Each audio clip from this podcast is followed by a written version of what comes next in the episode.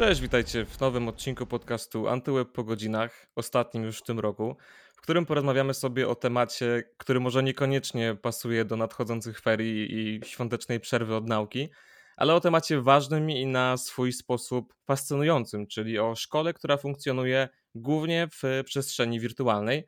A ten temat zgłębić pomoże mi mój dzisiejszy rozmówca Kamil Stachowiak, wicedyrektor szkoły w chmurze. Witam cię serdecznie. Cześć, witam serdecznie Ciebie i wszystkich, którzy nas będą słuchali. E, szkoła w chmurze. No, brzmi to dość futurystycznie, dla niektórych może wręcz dziwnie i nie na miejscu, no bo chyba zgodzisz się ze mną, że polski system edukacji w tym takim tradycyjnym rozumieniu ponurej sali lekcyjnej i wiecznie brudnej kredy e, jest dość skostniały i tego skostnienia zawzięcie się trzyma w zasadzie od zarania dziejów, jakoby ignorując wszelkie sugestie ze strony młodzieży i te zmieniające się dynamicznie warunki kulturowe. No a wy prezentujecie postawę przynajmniej tak mi się wydaje, zupełnie odmienną. Dajecie dzieciakom tą wolność, wolność przede wszystkim wyboru, wolność korzystania z nowoczesnych technologii, wyciągacie w sumie do nich rękę, dajecie im tą przestrzeń do samorealizacji i nauki na trochę własnych zasadach. No i powiedz mi, skąd wzięła się ta idea, jak to się zaczęło i czy mógłbyś tym słuchaczom, którzy nie mieli ze szkołą w chmurze żadnej styczności, pokrótce wyjaśnić, jak to w ogóle działa? Mhm, z wielką przyjemnością. Myślę, że jesteśmy akurat w takim momencie i w takim czasie, że szkoła w chmurze yy, jako nazwa i jako hasło yy, nie budzi już aż takiej kontrowersji yy, i spotyka się z coraz większym zrozumieniem. Od czego się zaczęło? No właśnie od przysłuchiwania się głosom uczniów na temat tego, jak chcieliby, żeby ich edukacja wyglądała, ale też jakby pamięć osób, które zakładały szkołę w chmurze na temat tego, jak wyglądała ich edukacja i na co nie mieli zgody. Y, mhm. Bardzo ważne było, aby ta edukacja była bardzo wspierająca i ogólnodostępna. Do tej pory edukacja w Polsce, edukacja domowa była trochę elitarna i w taki sposób była kojarzona, była przeznaczona y, do jakiegoś wąskiego grona odbiorców. No my w szkole w chmurze założyliśmy sobie, żeby ta edukacja domowa była naprawdę ogólnodostępna, y, z pewnymi założeniami, z pewnymi obowiązkami, które, które od samego początku komunikujemy rodzicom i uczniom, którzy na, ta, na taką formę edukacji się decydują. Nazwa też pewnie nieprzypadkowa, szkoła w chmurze, no bo wyskakujemy rzeczywiście ponad wszelkie poziomy i sięgamy chmur i nawet jeśli, jeśli sky is the limit, no to, no to już pewnie przeskoczyliśmy to mocno. E, chmura też w odniesieniu takim, że rzeczywiście większość naszych działań to działania e, online z wykorzystaniem nowoczesnych technologii. E, no i chmura, dlatego że rzeczywiście obejmujemy już całą Polskę. Wszędzie tam, gdzie tylko pojawiają się chmury meteorologiczne, tam też my jesteśmy. I rzeczywiście tutaj duża odpowiedzialność po stronie uczniów i rodziców, już na samym początku, kiedy taką decyzję o przejściu na taki tryb edukacji, na edukację domową właśnie podejmują i wielka odpowiedzialność, jaka ciąży na uczniach, jeśli chodzi o organizację tego swojego roku szkolnego. Mhm. Bo jak tutaj na wstępie powiedziałeś, rzeczywiście zbliżamy się do y, czasu ferii zimowych w takich szkołach tradycyjnych. U nas ten, ten rok szkolny y, mocno się rozmywa, jeśli chodzi o ferie i wakacje, bo uczniowie właśnie sami decydują o tym, kiedy sobie robią przerwę i obojętnie, czy będzie to nazwane feriami, czy po prostu dłuższym czasem niezaglądania do lekcji. Yy, no, właśnie organizacja, organizacja roku szkolnego, organizacja egzaminów, to wszystko leży po stronie ucznia. Wiesz, ja jestem ogromnym entuzjastą pracy zdalnej, tego jaką swobodę daje, jak pozwala zwiększać produktywność, jak y, podnosi taki pewien poziom komfortu i uczy odpowiedzialności. I gdy po raz pierwszy usłyszałem o szkole w chmurze, to pomyślałem, wow, dlaczego coś takiego nie istniało w czasach mojej edukacji?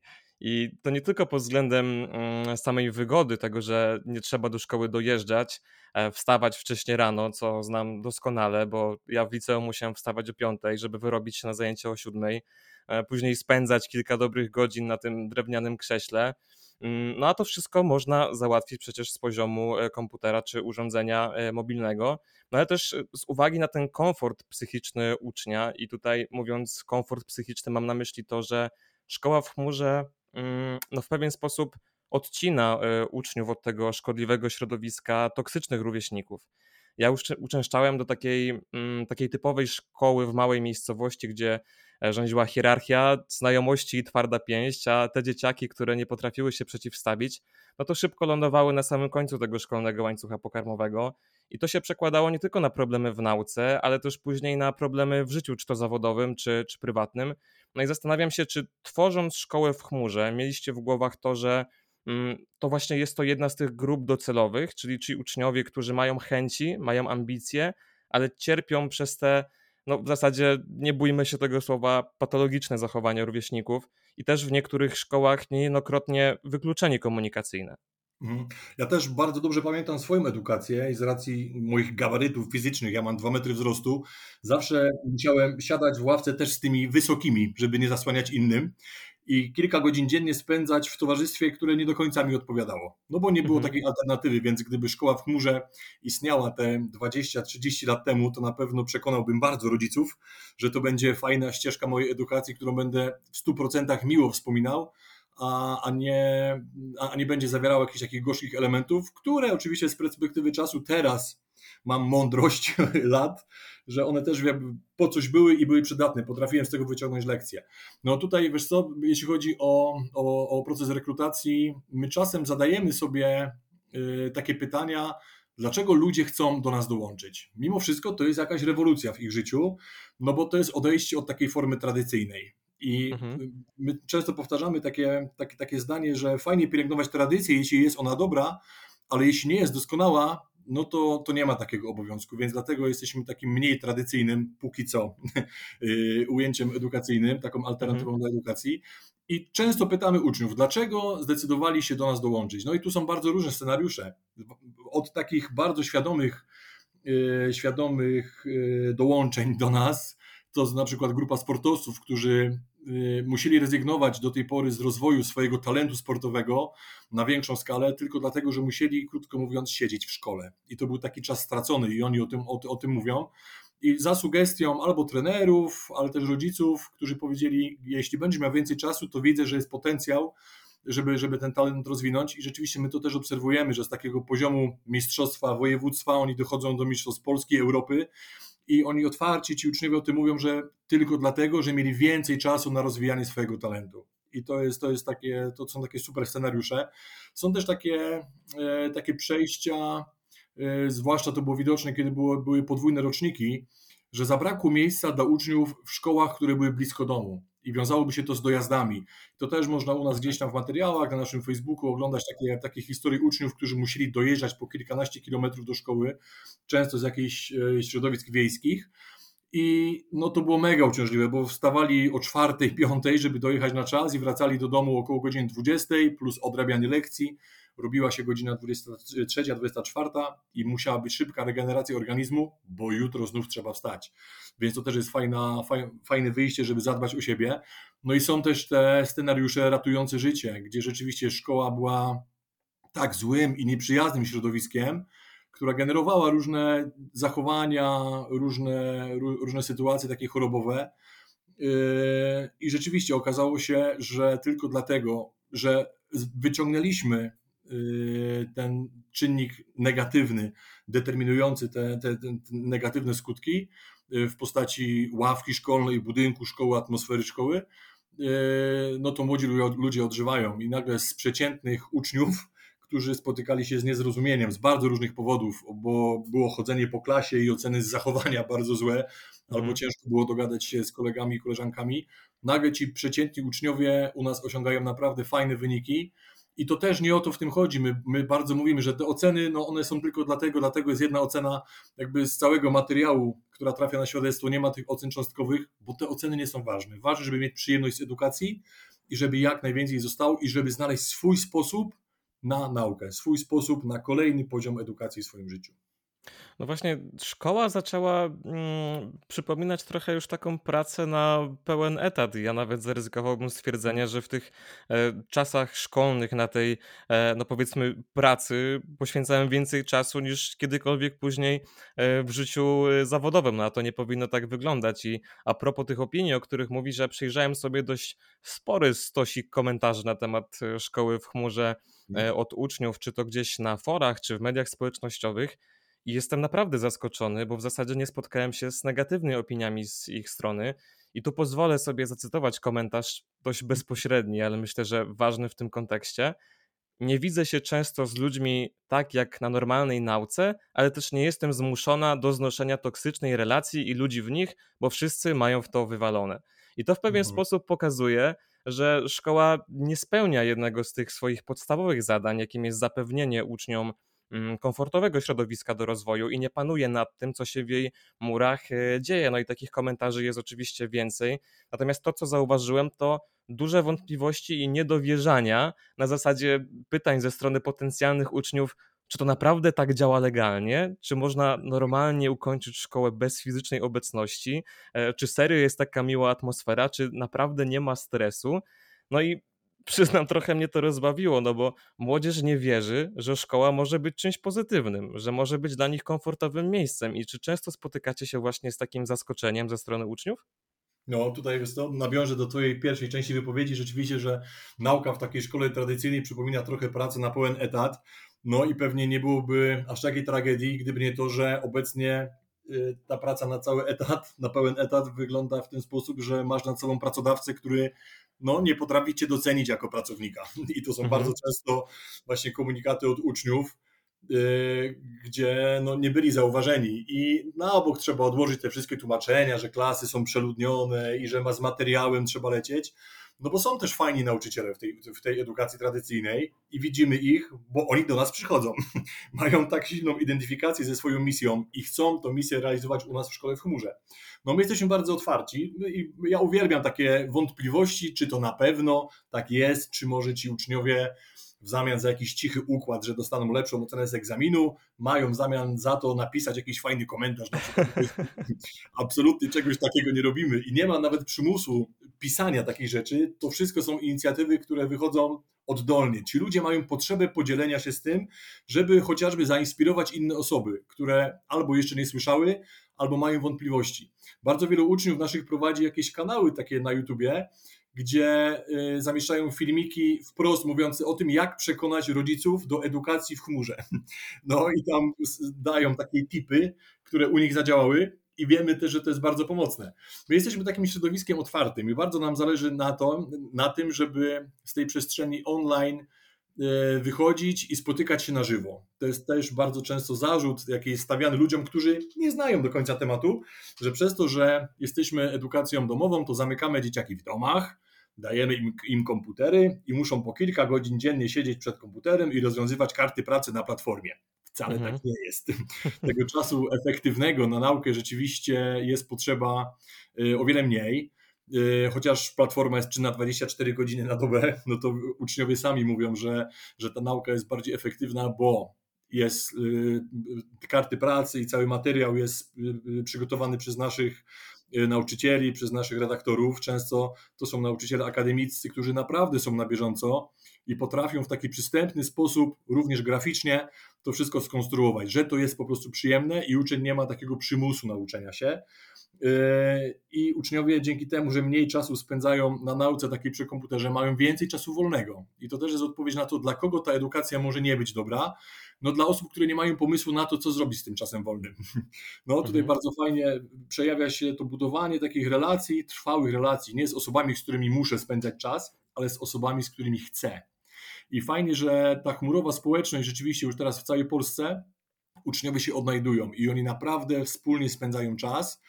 Y, my też o części z tych wydarzeń dowiadujemy się po fakcie, kiedy uczniowie nam piszą, że się spotkali, wysyłają nam zdjęcia, no ale też w tym roku ruszyliśmy z taką aplikacją, żeby uczniom było się łatwiej poszukać i zorganizować na jakieś takie na pół spontaniczne spotkania, o których my też wiemy i gdzieś tam mamy nad tym jakąś kontrolę, żeby to te standardy chmurowe rzeczywiście trzymało. Czyli wy w zasadzie oprócz tego, że mm, pełnicie rolę edukatora, to też y, przykładacie cegiełkę do tworzenia całych społeczności, nie? Tak, ja jestem wielkim zwolennikiem tego zdania, które w takim ujęciu tradycyjnym zawsze jest wytaczane przy, przez rodziców w sytuacji, kiedy, kiedy przychodzą tłumaczyć jakieś przewinienia swojego dziecka i pada zdanie, bo szkoła powinna uczyć i wychowywać. Ja często zadaję rodzicom podczas procesu rekrutacji, z którymi mam kontakt, to pytanie, czy oni są zwolennikiem tego zdania, że szkoła powinna uczyć i wychowywać. I większość z nich odpowiada twardo, tak, oczywiście. Ja mówię, no to teraz będziecie mieli okazję bo to u was w domu będziecie uczyć i wychowywać. No i trochę bierzemy za to odpowiedzialność, jak najbardziej tak. Podkreślamy mocno, że szkoła w chmurze nie jest dla wszystkich. To nie jest dobre rozwiązanie dla każdego, no bo nam zależy na takiej aktywnej, zaangażowanej, współodpowiedzialnej społeczności, która będzie te, te chmurowe wartości pielęgnowała i rozwijała. Tak, bardzo nam na tym zależy, żeby to była ta jakość, yy, jeśli nie u każdego, to u ogromnej większości uczniów i członków naszej chmurowej społeczności, żeby mieć silną identyfikację z tym, co nam się wymyśliło na samym początku. No właśnie, ale żeby nie było tak kolorowo, bo wspomniałeś też o nauczycielach, yy, no i te komentarze ze strony uczniów, one są jak najbardziej pozytywne. E, no ale napotkałem też taki twardy opór ze strony osób, które mm, podawały się w sieci za nauczycieli, czy też byłych nauczycieli. No i oczywiście nie jesteśmy w stanie tego zweryfikować, czy dany użytkownik forum faktycznie tym nauczycielem jest. Natomiast padały tam takie zarzuty, że szkoła w chmurze rozleniwia, że to jest proteza nauczania że te dzieciaki pewnie oszukują i niby uczestniczą w tych zajęciach, ale tak po łebkach, e, a w rzeczywistości e, coś tam sobie brzdęka w tle, a oni w międzyczasie grają sobie e, w gierki. No i generalnie mocno sceptyczne i krytyczne podejście, które wydaje mi się wynika trochę z niezrozumienia całej idei, bo to wasze podejście do edukacji bazuje na przekonaniu, że wy zapewniacie treści, jakieś wsparcie merytoryczne i nie stoicie z batem nad uczniem, tak jak w klasycznej mhm. szkole. I mam wrażenie, że to społeczeństwo starej daty nie do końca jest w stanie to przyswoić, że tak można. I, I to pytanie, czy macie do czynienia z takimi wątpliwościami ze strony właśnie rodziców i jak na nie reagujecie? Mhm. E, trzeba by zweryfikować rzeczywiście, czy osoby, które pisały takie, takie negatywne i sceptyczne komentarze, rzeczywiście po pierwsze, czy u nas są, a po drugie, czy są, są nauczycielami. No też pytanie, co jest oszustwem, bo my bardzo często słyszymy od uczniów, kiedy im mówimy, że podczas egzaminu mogą korzystać ze wszystkich dostępnych materiałów, z których się przygotowywali do egzaminu, na przykład z podręczników. I słyszymy wtedy takie lekkie zachwianie w głosie, czy to nie będzie ściąganie. Mhm. My mówimy, no nie, no po co ryć rzeczywiście na pamięć coś, co się zapomni, jeśli nie będzie utrwalane, ale lepiej jest skorzystać rzeczywiście z takiej wiedzy, gdzie to znaleźć. No bo to jest bardzo logiczne. Jeśli ktoś przygotowywał się naprawdę do egzaminu, no to w trakcie egzaminu też będzie potrafił odszukać te, te informacje, które na egzaminie się pojawiają. Jeśli ktoś tego nie zrobił, no to na krótkim egzaminie nie będzie na to czasu, żeby sięgnąć do tego po raz pierwszy. Więc dla mnie to jest jak najbardziej uczciwe podejście.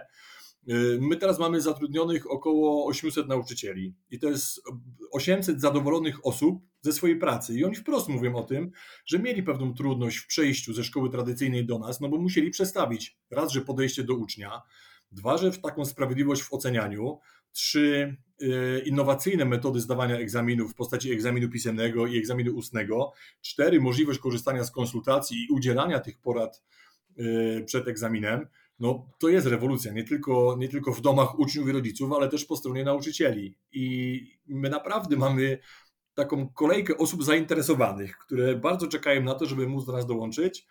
Yy, ja czasem obserwuję sobie te egzaminy, gdzieś tam wskakuję z takiej czystej ciekawości, żeby, żeby zobaczyć, jaki jest poziom przygotowania uczniów i jaki jest poziom egzaminowania i jakie wymagania są stawiane. I to naprawdę jest wysoki poziom.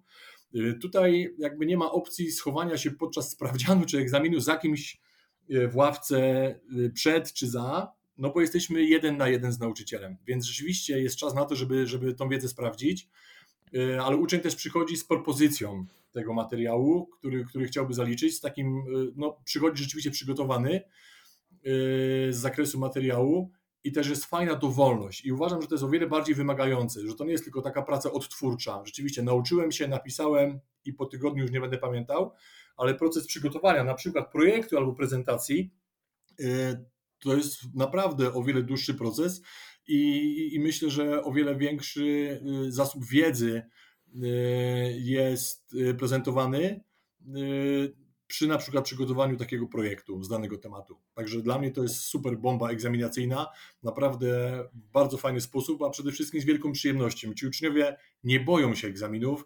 Trochę jeszcze u tych pierwszorocznych naszych jest zauważalne to, że, że mocno y, samo hasło egzamin jest tak negatywnie nacechowane, nie? To budzi mhm. jakieś obawy.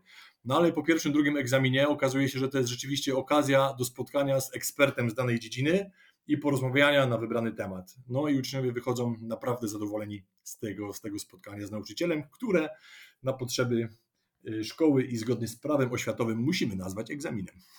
Czyli uczeń ma u Was możliwość wybrania sobie jakiegoś konkretnego zakresu tematycznego z danego działu i na tej podstawie e, przeprowadzać taką dyskusję w formie zaliczenia? Tak, tak. U nas egzaminy są jakby dwuskładnikowe. Z każdego przedmiotu jest egzamin i pisemny, i egzamin ustny. I z tego jest jakby e, średnia ocena e, wystawiana.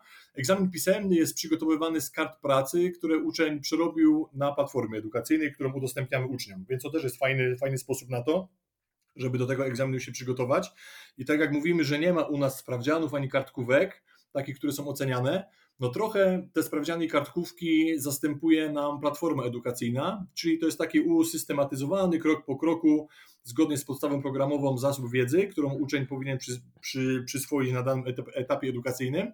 I rozwiązując karty pracy, uczeń, uczeń ma informację zwrotną w postaci procentów, na ile daną wiedzę przyswoił na tym etapie. Nie? Czyli rzeczywiście mhm. zamiast oceny trójki, czwórki, piątki, jedynki, dostaje feedback procentowy i z tych kart pracy przerobionych przez ucznia jest przygotowywany egzamin. No i to też jest takie fajne podejście, no bo jeśli uczciwie przepracowałeś rok szkolny z danego przedmiotu, no to nie ma elementu zaskoczenia na egzaminie, że po raz pierwszy zobaczysz jakieś pytania. No bo przynajmniej raz już to pytanie widziałeś. No a jeśli idziesz na żywioł, no to może być różnie. No czyli, no, jest... e, mm, przepraszam, że cię przerwę, tylko, tylko chcę wyjaśnić tą jedną kwestię, bo czytając komentarze to był jeden chyba z takich e, elementów, które były nie do końca zrozumiane, że w szkole w chmurze nie ma zajęć jako takich, że jest kamera i każdy musi sobie e, siedzieć przy biurku i wysłuchiwać jakiegoś wykładu, tylko to, są to po prostu e, materiały, które w dowolnym czasie należy przyswoić i na tej podstawie dopiero zdawać jakieś zaliczenia, tak? Okej, okay, to teraz trochę Ci opowiem o tym, jak jest skonstruowana platforma i co się dzieje z uczniem, który do nas dołączył na początku roku szkolnego. Okay. Uczeń otrzymuje loginy i dostępy do swojego konta na, platform, na platformie edukacyjnej i takie dostępy też dostaje rodzic do swojej przestrzeni rodzica, żeby tam miał wgląd w takie niektóre rzeczy organizacyjne.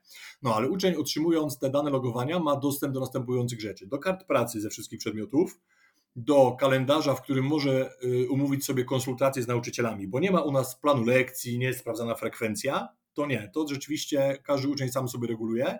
Ważne, żeby zaplanował, w tym roku było tak, że do końca września uczeń każdy musiał zaplanować cały swój rok pod kątem egzaminów.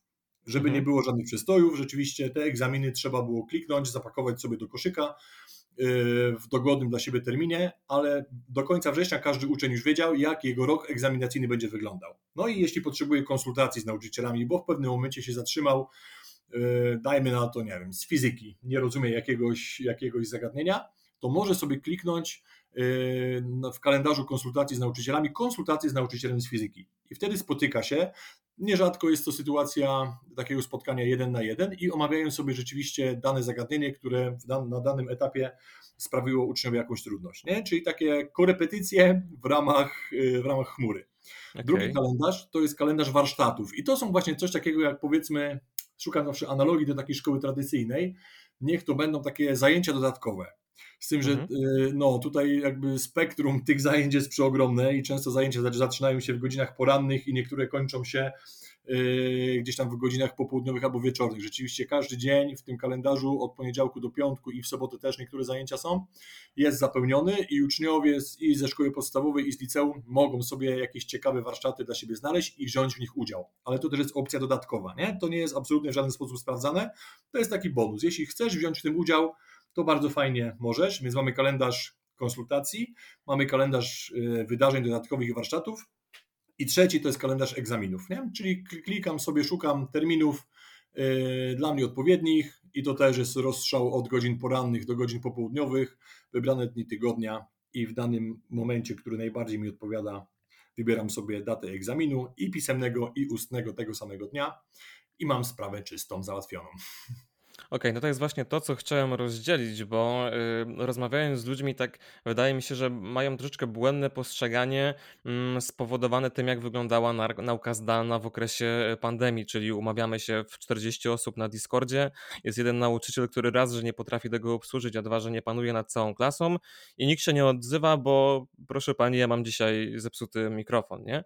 I jeszcze pozostając w tym temacie pandemii, mm, nie masz wrażenia, że ten okres pokazał trochę, że nauczyciele są na bakier z technologią i że to wdrożenie nauki zdalnej, to przerzucenie się na e, zdigitalizowane treści i co może zabrzmieć niestety absurdalnie, nauczenie się obsługi komputera i tych podstawowych programów okazało się dla grona pracowników sektora edukacji no niemałym wyzwaniem, a w niektórych przypadkach wręcz drogą przez mękę. No i okazało się, że ten taki memiczny, prześmiewczy stereotyp naburmuszonego wykładowcy, który oczekuje bezbłędnego opanowania materiału, ale sam ma problem z podłączeniem rzutnika, ma więcej wspólnego z rzeczywistością niż chyba wszyscy się spodziewali, nie? E, więc wydaje mi się, że e, te ewentualne wątpliwości mogą właśnie wynikać z tego, że e, ten etap edukacji zdalnej w okresie pandemii no, był tragiczny i to całkowicie nie wypaliło, nie? No, ja bardzo, bardzo mocno zawsze akcentuję to, że nam na całe szczęście udało się z pomysłem wystartować jeszcze przed pandemią. Także mhm. nie byliśmy odpowiedzią na konieczność przeprowadzania y, lekcji w sposób zdalny online, tylko rzeczywiście z całym pomysłem szkoły edukacji domowej, edukacji online wystartowaliśmy jeszcze przed. I dzięki temu mogliśmy mieć naprawdę fachowców w danej dziedzinie. Nie musieliśmy y, jakby nauczycieli, których mieliśmy do tej pory stacjonarnie, przestawiać teraz na tryb online i uczyć ich wszystkiego od początku, bo część nauczycieli e, otwarcie mówi, że nie wyobraża sobie innej pracy, jak tylko praca przy tablicy. Nie ogarniają tego tematu przejścia w tryb online, muszą mieć ucznia naprzeciwko siebie. No my na, na, całe szczęście nie musieliśmy przebierać, tylko mogliśmy, yy, mogliśmy mieć od samego początku nauczycieli, którym taka forma pracy w 100% odpowiada. I to też zawsze podkreślam, że dlatego, że nie mamy jakby ścisłej lokalizacji przypisanej w takim sensie, że trzeba u nas te, te zajęcia przeprowadzać stacjonarnie, no to możemy mieć nauczycieli z całej Polski. I to jest super informacja, bo my naprawdę możemy sobie wybrać ogromnych pasjonatów tematu. Nie tylko nauczycieli, którzy po trzech latach mają wypalenie zawodowe i nie widzą sensu w tym, co robią, ale nauczycieli, którzy cały czas prowadzą jakieś kanały tematyczne na YouTubie i bardzo często to fajnie się y, zgrywa podczas konsultacji kiedy uczniowie klikają konsultacje z nauczycielem i nagle się okazuje, że to jest osoba, od, u której są stałymi gośćmi na kanale ich na YouTubie od, od blisko dwóch lat na przykład, nie? I rzeczywiście mhm. to jest taka fajna relacja, że oni już się znają z takiej, z takiej przestrzeni. Yy, no, więc tutaj jakby wyprzedziliśmy temat pandemii i mogliśmy od początku ulepić, stworzyć to po swojemu, bez takiej konieczności przerabiania, bo taki jest wymóg danej chwili. Od początku chcieliśmy być taką edukacją online, bez konieczności też spotkań takich na Zoomie, że teraz będzie lekcja na taki i na taki temat, no bo to też organizacyjnie byłoby ciężkie do zrobienia, no bo każdy z naszych uczniów, naprawdę każdy z naszych uczniów y, w dowolny sposób ten materiał y, realizuje i niektórzy we wrześniu zaczynają geografię, a, a, a niektórzy mogą do geografii usiąść w grudniu, a niektórzy w kwietniu i ciężko byłoby zorganizować klasę, w której dany materiał będzie na tym samym etapie. No, po prostu to jest niewykonalne. Dlatego każdy sam sobie swoim tempem w swoim domu albo w każdej innej lokalizacji, gdzie jest mu wygodnie, ten materiał realizuje. No ale wy też macie chyba swoje placówki stacjonarne, nie? Tak, mam, mam, mamy. To podejście się jakoś różni w kwestii tak. edukacji? Co, mamy placówki stacjonarne, to jest e, stacjonarnie w Warszawie, w Katowicach i w Poznaniu. E, to jest taka odpowiedź na to, gdyby część uczniów chciała e, zdawać jednak egzaminy nie online, ale stacjonarnie. No to mhm. też był plan taki nasz, że rzeczywiście, no to plan, który mocno się niestety w tym, w tym roku musiał zweryfikować, w tym roku kalendarzowym, no bo bardzo nam zależało na tym, żeby, już o tym też wspomniałem, żeby ta społeczność miała okazję się spotkać też na żywo. Te relacje społeczne są dla nas niezmiernie ważne. I nie tylko dlatego, żeby, żeby być odpowiedzią na te zarzuty, które są stawiane, ale rzeczywiście widzimy, że spotkania na żywo mają też ogromną moc. I my we wszystkich miastach wojewódzkich chcieliśmy pootwierać takie centra spotkań. Miejsca, gdzie chmurowi y, uczniowie będą mogli przyjść na żywo i pod szyldem szkoły w chmurze rzeczywiście e, spotykać się i realizować na przykład wspólnie gdzieś tam proces edukacji. No, udało mhm. nam się to zrobić tylko w Poznaniu, w Katowicach i w Warszawie, no bo drastycznie obcięto nam tą subwencję oświatową, nie? z poziomu 0,8 na 0,2 i stanęliśmy przed taką trudną decyzją, które pomysły odłożyć na później. No bo wiedzieliśmy, że nie możemy spuścić z poziomu edukacji, z poziomu kształcenia, rzeczywiście ta jakość musi być cały czas najwyższa, no więc, yy, więc no, tu, tu, tutaj nie mogło być mowy o, o szukaniu oszczędności w nauczycielach. Yy, szukaniu oszczędności w treściach na platformie, w dostępie do tego, absolutnie nie. Dlatego te pomysły otwarcia stacjonarnych miejsc przesunęliśmy na trochę później. I to nie są takie pomysły, które trafiły do kubła albo, albo na dno szuflady, tylko one cały czas u nas na biurku leżą. No i czekamy, kiedy będzie możliwość, aby je zrealizować. Okej.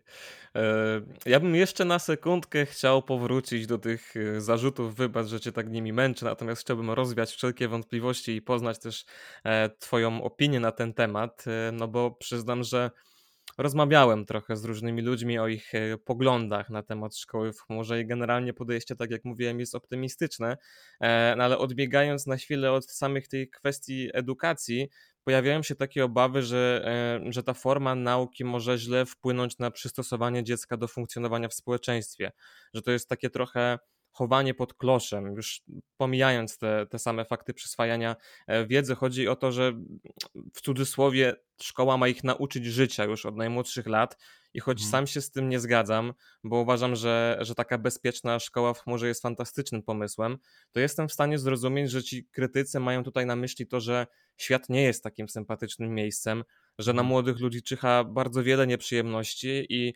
jakkolwiek tragicznie by to nie brzmiało, szkoła robi trochę takie wprowadzanie do życiowych trudności.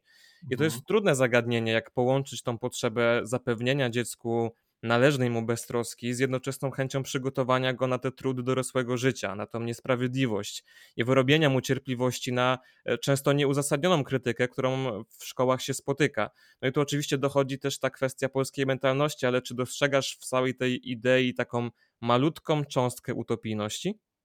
Co, y, utopijności y, nie, bo mam głębokie przekonanie, że to, co robimy, ma sens i jest, jest przede wszystkim dobre. No ale super smutne są takie, takie, y, tak, takie zdania i one bardzo często gdzieś wracają i życzyłbym sobie, żeby to w kółko powtarzała tylko jedna osoba, która ma wielkie zasięgi i to, i to od niej się to wszystko bierze, że życie jest tak skonstruowane, że ono nie jest łatwe i trzeba się pod, podporządkowywać.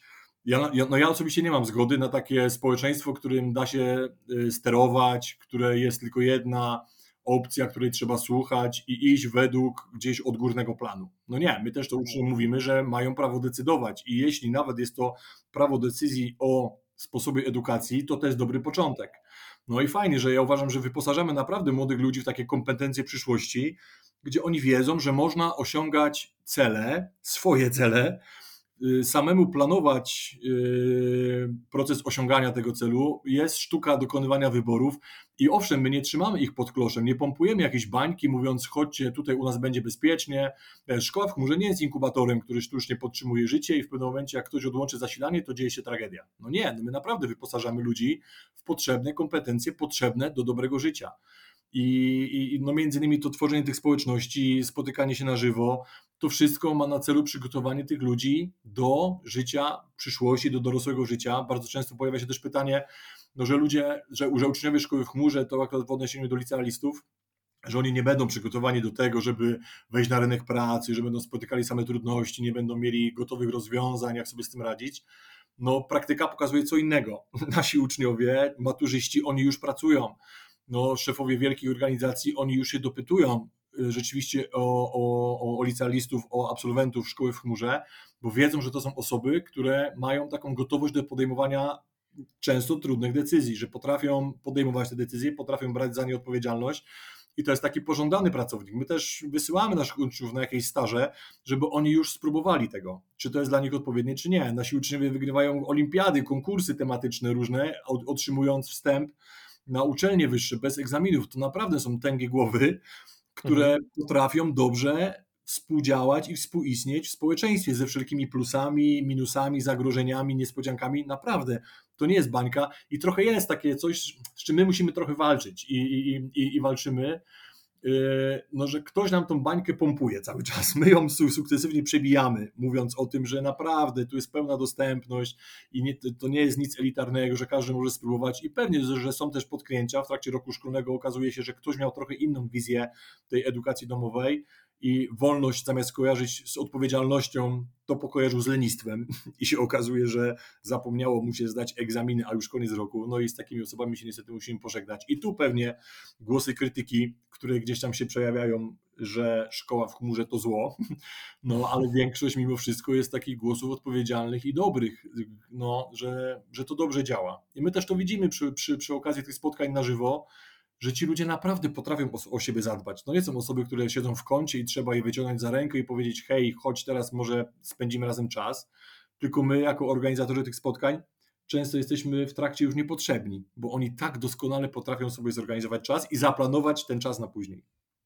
No właśnie tu jest ta siła szkoły w chmurze, że uczy, podobnie jak praca zdalna, tej odpowiedzialności za siebie i odpowiedzialności za, e, za własną pracę, w przeciwieństwie do szkoły tradycyjnej, która przynajmniej w moim odczuciu uczy bardziej kombinowania tego, jak zdać egzamin tak, żeby się nie nauczyć, jak ściągnąć i jak uniknąć odpowiedzi, nie? Mhm. Więc e, troszeczkę paradoksalne są te, te no, zarzuty. No, w szkole tradycyjnej no nie ma co ukrywać, że część pracy za ucznia wykonuje kadra pedagogiczna, to oni motywują ucznia w postaci tego, że jest kartkówka i musisz się nauczyć, bo dostaniesz złą ocenę. No jest to trochę taka, taka robota dla kogoś. No u nas jest w 100%, przynajmniej tak byśmy chcieli, e, że w 100% praca dla siebie. Tak jakby też no, staramy się przekonać uczniów, że ta nauka jest po coś. To jest podstawowe pytanie, które, które powinni zadać sobie uczniowie albo zadać nauczycielom, po co mi to będzie przydatne. No i my bardzo chętnie mhm. tej odpowiedzi udzielamy. No i wtedy zapala się chęć do nauki, a nie przymus.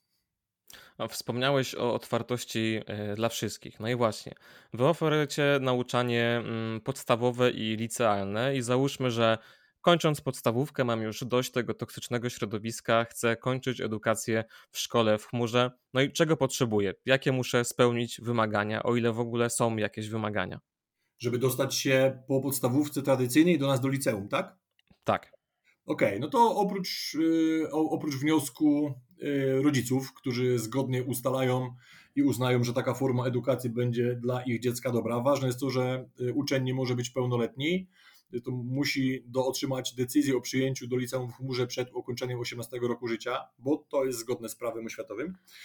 No, więc zgodna, zgodna decyzja rodziców i przekonanie, że to będzie dobre, którzy na naszej stronie wypełniają wniosek o przyjęcie no i w przypadku przyjęcia do pierwszej klasy liceum, oprócz wniosku, my jeszcze potrzebujemy e, jakby dowodu na to, że uczeń może być w pierwszej klasie liceum, czyli zaświadczenie e, o ukończeniu szkoły podstawowej, oryginały świadectwa i egzaminu ósmoklasisty. I jeśli wiemy, że ten poprzedni etap edukacyjny zakończył się powodzeniem i uczeń może przystąpić do pierwszej klasy liceum ogólnokształcącego w chmurze, no to taką decyzję podejmujemy.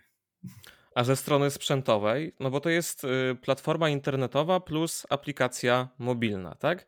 Zakładam, że jakaś y, zupełnie niewymagająca i, i wystarczy najbardziej podstawowe urządzenie, żeby w tych y, zajęciach uczestniczyć. Dokładnie tak. Tutaj nie, nie, są żadne laptopy gamingowe potrzebne, bo platforma edukacyjna rzeczywiście ona chodzi nawet na jakimś najstarszym sprzęcie. Tak naprawdę takiego stałego dostępu do, do, do dobrego łącza internetowego uczeń potrzebuje tylko na czas egzaminu, kiedy trzeba się połączyć z kamerką i z dźwiękiem, e, no żeby uczeń mógł zweryfikować, e, nie uczeń, tylko nauczyciel mógł zweryfikować, że rzeczywiście po drugiej stronie jest ten uczeń, na którego czekał. E, a do obsługi platformy edukacyjnej, no rzeczywiście wystarczą jakieś minimalne wymagania sprzętowe i to, to doskonale działa. No, część, część uczniów jeszcze potrzebuje podręczników, pewnie w większości to jest potrzeba rodziców, którzy uważają, że taka tradycyjna forma przyswajania wiedzy też będzie dobra. No, uczniowie, którzy są u nas kolejny rok, y, tych podręczników na początku roku często nawet nie zamawiają, rezygnują z nich, bo mówią, że jest później problem z odsyłaniem tego, muszą o tym pamiętać i chętnie korzystają z innych, z innych sposobów i innych źródeł pozyskiwania wiedzy. No, także tak, wymagania sprzętowe, jeśli jest potrzeba, to my też uczniów wyposażamy w laptopy, więc, więc to też jest jak najbardziej no, taka, taka dostępność z, z naszej strony.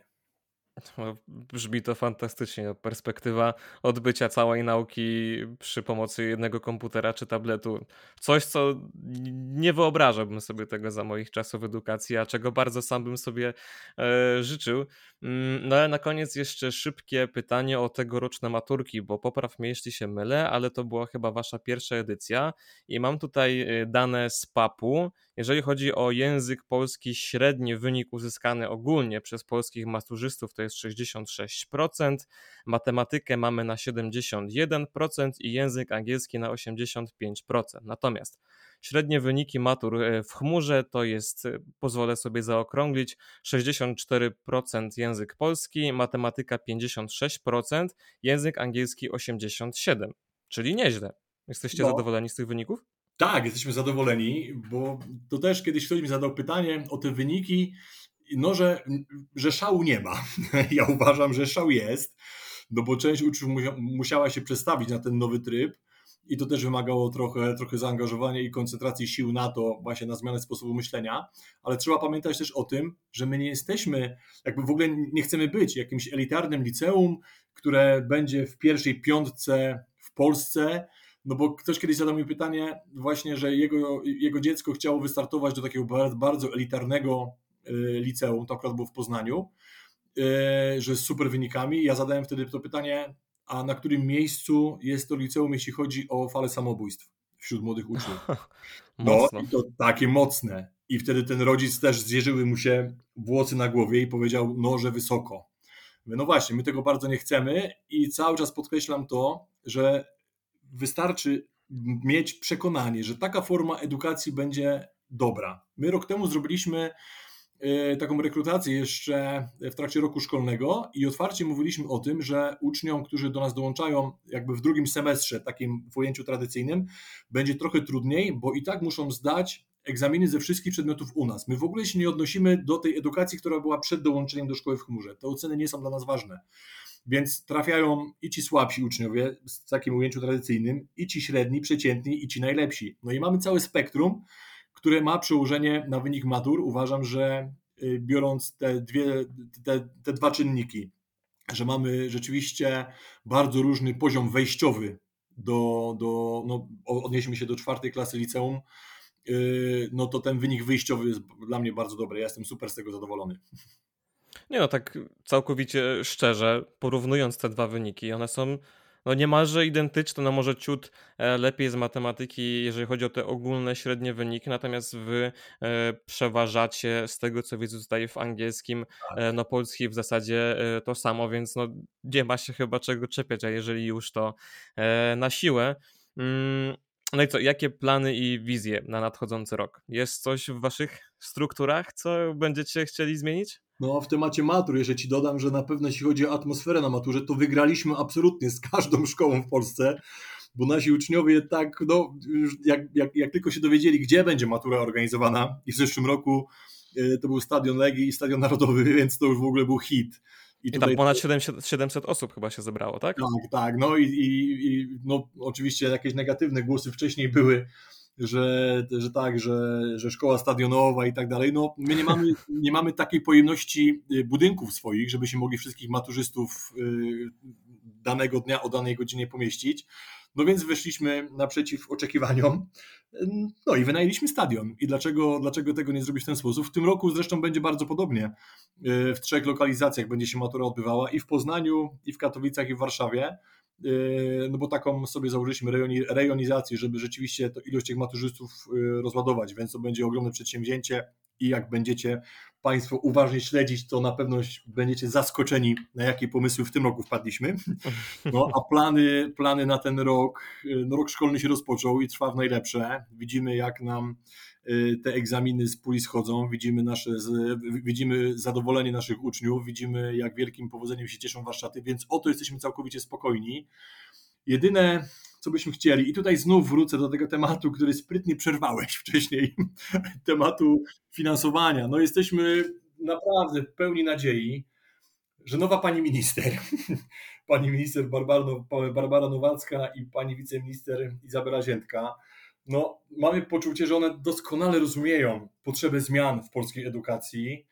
Y, widzą, że edukacja domowa nie jest czymś, co wychodzi w opozycji, co stoi w opozycji i wychodzi przeciwko edukacji w Polsce, tylko jest alternatywą. I my naprawdę mocno podkreślamy to, że my jesteśmy częścią systemu edukacji w Polsce. Nie jesteśmy wcale antysystemowi, tylko nas też obowiązują te wszystkie przepisy, które obowiązują też szkoły tradycyjne i wspieramy mocno system edukacji. Jesteśmy gotowi też do tych zmian.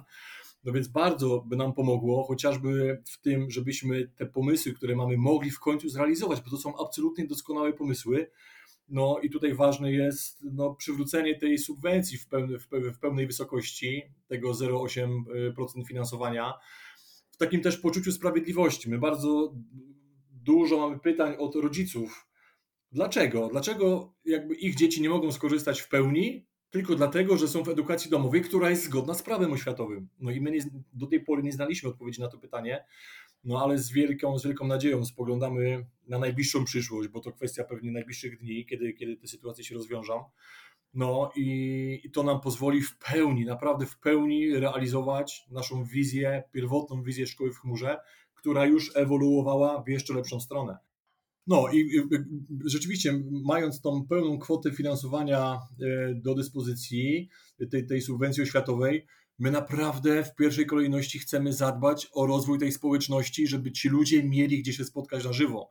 Więc absolutnie od razu e, chcemy pootwierać centra spotkań, w których te, te wartości tej socjalizacji społecznej, to wszystko, czego do tej pory, nie chcę powiedzieć, że brakuje, ale musiało być organizowane trochę własnym sumptem, z dużym zaangażowaniem rodziców i nie ma co ukrywać z ponoszeniem dodatkowych kosztów. Rzeczywiście, że to dzięki przywróceniu pełnego finansowania będzie mogło stać się rzeczywistością. No, te plany wszystkie są gotowe, tylko czekają na realizację. I to pewnie takie największe nasze oczekiwanie, największe marzenie, i mam nadzieję, że będziesz mi tego życzył na koniec naszego spotkania, żeby to marzenie się spełniło.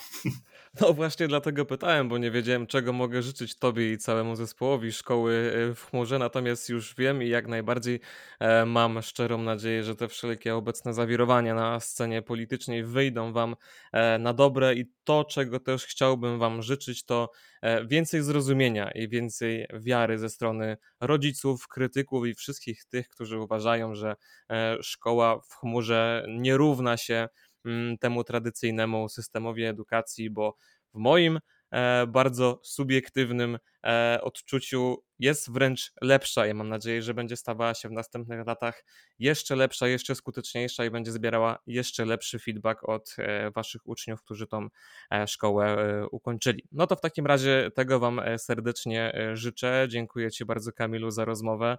Wam, drodzy słuchacze, jak najwięcej pomyślności w nowym roku. Nie był to czas łatwy, ale jakoś wspólnymi siłami daliśmy radę. Mam nadzieję, że e, w kolejnych 12 miesiącach będziecie równie chętnie do nas e, zaglądać. No a teraz trzymajcie się ciepło i do usłyszenia w 2024. Serdecznie dziękuję za nasze dzisiejsze spotkanie. Miałem z tego wielką przyjemność i wszystkim Państwu też życzę, w zależności od wieku, rodzicom życzę zadowolenia i radości z każdego dnia, a dzieciom i uczniom życzę, żeby obojętnie w jakim wymiarze tą edukację realizujecie, żeby każdy dzień, jaki poświęcacie na swój rozwój, był przyjemny i według waszego pomysłu. Dokładnie tak i pod tymi życzeniami się podpisuję. Patryk Koncewicz, Kamil Stachowiak, dziękujemy bardzo za wysłuchanie. Trzymajcie się ciepło. Cześć. Cześć.